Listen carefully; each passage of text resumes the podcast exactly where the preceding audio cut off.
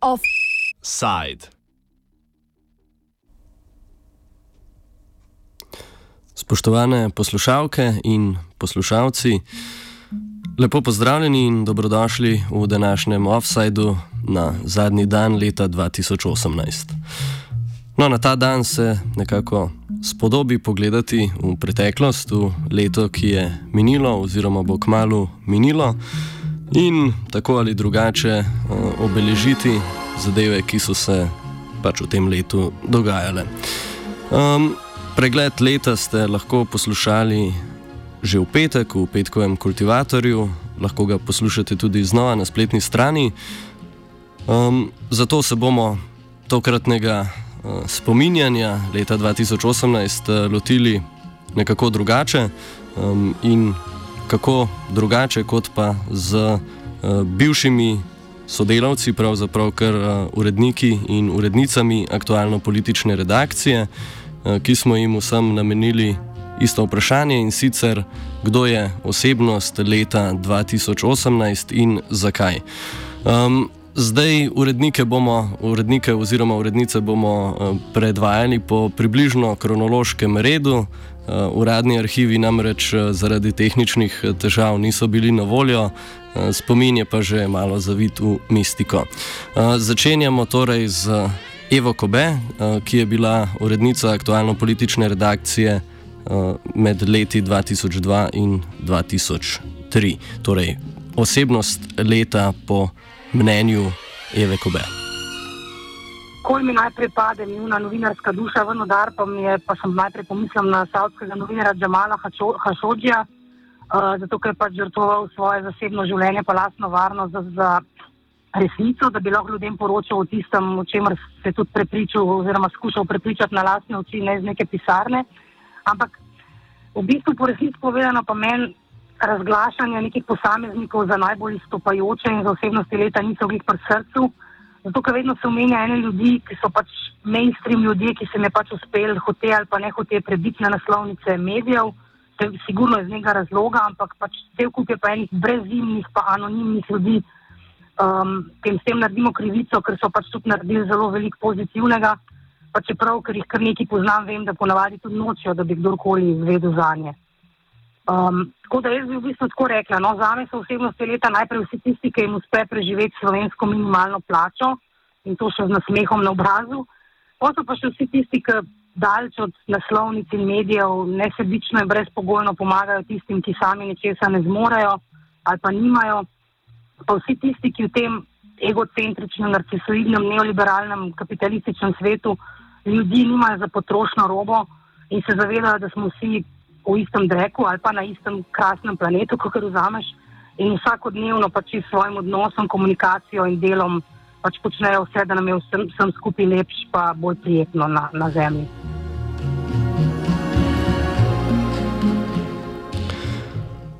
No, naslednji bo na vprašanje, kdo je osebnost leta, odgovarjal Lan Dečman, ki smo ga kronološko sicer še težje uvrstili rekel bom um, Džamal Kašogi. Um, zakaj? Lej, njegova smrt je imela implikacije po širši, po, šir, po oži in širši regiji. Erdogana je, uh, Erdogana je najbolj zelo prav prišla med uh, ekonomsko krizo v Turčiji, vam dobro, dobro je vnovčil uh, ta tragičen dogodek. Pretresala, zadeva je pretresla vem, ameriško, um, arabske odnose, savske odnose. To je odvisno, da to je bilo. Um, on je bil, oziroma je uh, politična osebnost leta, zaradi uh, posledic, ki jih je sprožil, zaradi vala, ki ga je imel. Uhum. Kaj pa mogoče uh, bolj na nacionalnem področju, možete od koga v mislih? Domače domače jaz. Domače bom pa rekel, ne bom ti dal politika, dal ti bom pa Luka Dončiča. Zdaj pa ne vem, ga je treba obrazlagati ali ne. Po 20 letih sem začel spet statistike košarkarske uh, spremljati in si kakšne tudi zapomnim, človek je prinesel romantiko nazaj v košarko.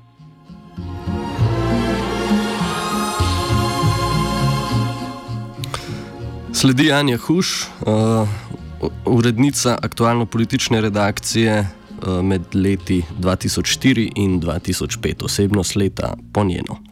No, trenutno sem na dopustu na nizozemskem in prav ob koncu leta je moja pozornost budilo ime Bojan Slad.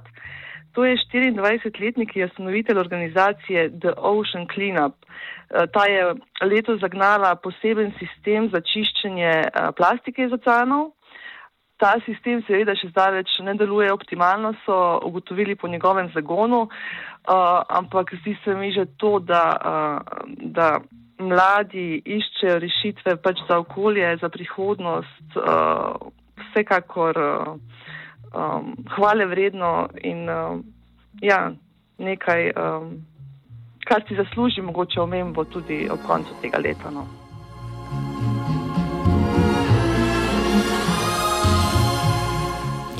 No, zdaj se že premikamo v bolj nedavno zgodovino aktualno-politične redakcije.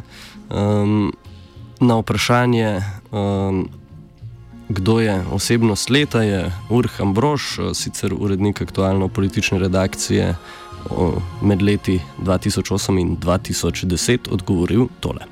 Ja, dobro, jaz ne bi tako ravno zastavil osebnost leta, ker to bolj kot razmišljam, teže bi izbral ali pa manj vem. Tako da bi rekel, najbolj me je taktično presenetil severnokorejski predsednik Kim Jong-un. In sicer zakaj? Zaradi dveh dogodkov, ki mislim, da jih je to leto dobro izkoristil v svoj prid. Seveda. To so prvo so olimpijske igre, zimske, kjer je izkoristil paranojo in se je pač pokazal v nekakšni luči kot uh, ljubitelj človeštva, oziroma kot tisti, s katerim je sprava mogoča, in v skladu s tem je potem izkoristil, seveda, Trumpa. Ker kolikor, kolikor koli sta se ona dva sovražila, oziroma to igrala preko Twitterja, nekje je jasno, da sta oba dva podobno nora, samo na morda malo drugačni valovni dolžini. In seveda, če Trump kaj hoče, je to pozornost, in če Trump če se ne bi hotel zamuditi, je to zgodovinski dogovor z Kim Jong-unom, ki seveda ne bo ničesar končal. Ampak v tem smislu mislim, da je to pač un dobro izkoristil in podaljšal pač življenje svojemu režimu, kljub temu, da se bo seveda ta spirala vrtela naprej.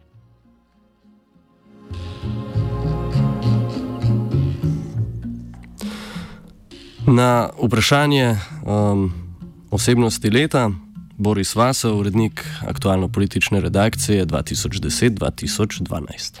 Težko bi izpostavil eno konkretno ime, ki bi zaznamovalo celo leto. Tako da bom naredil nekaj lažjega um, in bom imenoval to, kar se mi zdi, da je zaznamovalo še posebej zadnji del leta, uh, predvsem v Evropi. Uh, tukaj mislim na vse te množične proteste po Evropi, Eh, ki se odvijajo v bistvu na več lokacijah, v več državah um, in pravzaprav se upirajo tem lokalnim hegemonijam, bodi si Makronovi neoliberalni paradigmi, uh, bodi si Orbanovi ultranacionalistični in etokratski vladavini ali pa uh, Vučićevi privatizaciji uh, državnih organov in instrumentalizaciji javnih in zasebnih medijev. Um, zdaj, k tem protestom bi seveda lahko, ki trajajo več tednov, več, pa vsaj več dni, bi komod lahko prešteli še številne protifašistične, protirasistične in promigrantske enkratne proteste, tako v Nemčiji kot v Avstriji, Italiji in tudi v ZDA. Uh, če se pa osredotočim na, na, na ta gibanja v Evropi, ki zdaj potekajo, um, bi pa rekel, da, da jih zaznamujete vsaj dve uh, stvari. Kot prvo uh, bi izpostavil to neko bolj ali manj očitno horizontalno strukturo teh ohlapnih gibanj ki očitno se mi zdi postaja nekakšno pravilo, še posebej od leta 2011 in vseh teh um, uh, variacij na, na, na, na, na temo Occupyja uh, posod po Evropi. Um, in, in ta horizontalna struktura se mi zdi, da je najbolj očitna v Franciji. Ampak tudi mislim, da na Mačarskem in sploh v Srbiji ni nekega izrazitega vodstva uh, teh v bistvu množic, ki se opirajo proti, proti Orbanu in Vučiću. Um, v vseh teh primerih gre v bistvu za razširjen odpor do te neke personalizirane politike, ki jo nekje poseblja nekdani investicijski bančnik, kot je Macron, druge rasist in ultranacionalist, kot je Orban, ali pa v primeru Srbije nekdani radikalni nacionalist, ki se je medtem prelevil pa proevropskega huligana. Um, zdaj, v enem, uh, vsaj primer Francije kaže na uh, neko široko zavračanje političnih strank in tudi sindikatov Uh, to je že primer, ki smo ga videli pred sedmimi leti v Španiji. Uh, skratka, gre za zavračanje tega kolesja stroja, ki s tako imenovanimi kompromisi pravzaprav melje uh, na eni strani sigurnost ljudi v njihovo prihodnost, na drugi strani pa utujuje množice od teh tradicionalnih mehanizmov parlamentarne demokracije. In ne preseneča, da ljudje teh svojih zahtev ne povezujejo z volilnimi procesi, ampak jih namenoma pravzaprav postavljajo izven njih. In to je ta druga stvar, ki se mi zdi, da povezuje vse te proteste, skratka, zahteva po uh, demokratizaciji družb. Uh, v Franciji, uh, poleg seveda uh, um, tega, da se, da se ukine uh, višene trošarine um, na goriva, kar je nekako sprožil te proteste, uh, ljudje zahtevajo tudi to odločanje v političnih odločitvah, zahtevajo biti upoštevani. Kar seveda ne preseneča, spomnimo se podobe Makrona med njegovim nagovorom iz razkošne mize v razkošni sobani sred svoje razkošne predsedniške palače. Uh, v Srbiji na drugi strani zahtevajo svobodne medije, še posebej javno televizijo, ki je na tem postala pravzaprav Vučićev PR aparat. Um, podobno neodvisne kritične medije zahtevajo na Mačarskem, kjer zahtevajo tudi neodvisno sodstvo. Um, tudi na Mačarskem te lasniške strukture medije uh, pravzaprav na koncu koncu povežejo, uh, se povežejo z Orbanom. Um, zdaj, če pozamem uh, vse to razmišljanje, bi rekel, da je jasno, da vse več ljudi po Evropi ne pričakuje rešitev od političnih struktur, um, ampak seveda ne bi pa rad zapadel v neko utopično perspektivo trenutnega dogajanja, ker ne pozabimo, da bo vedno več tistih ljudi, ki ostajajo doma, medtem ko družbe po Evropi tonajo v rasistične in avtoritarne globine.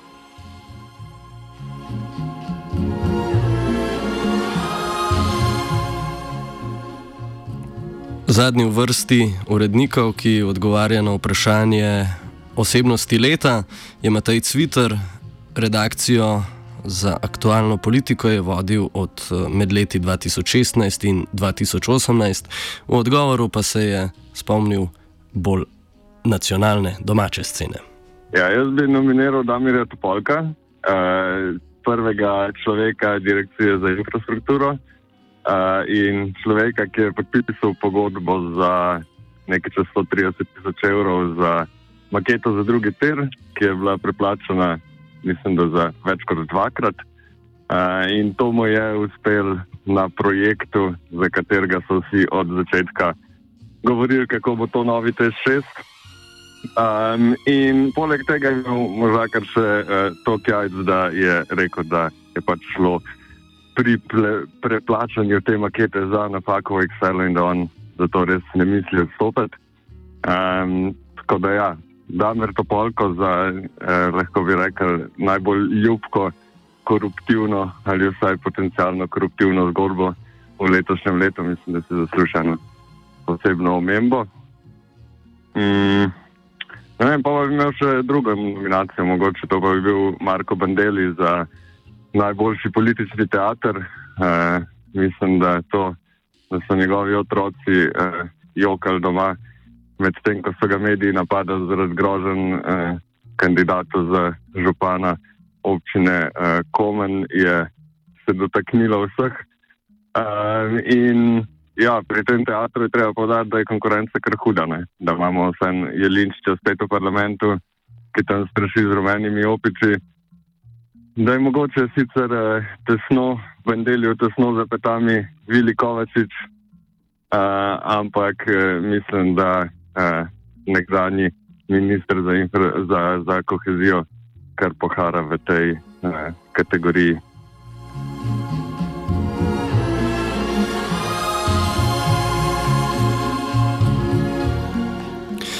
Ja, to so torej nominiranci, kdo so zmagovalci, pa se lahko odločite sami. Če zaključim še z neko tako bolj, lahko bi rekel, kar New Agersko modrostjo. Gledali smo na vzven, tako da smo gledali sami vase. Toliko za danes, srečno novo leto, pa vam želim zupan.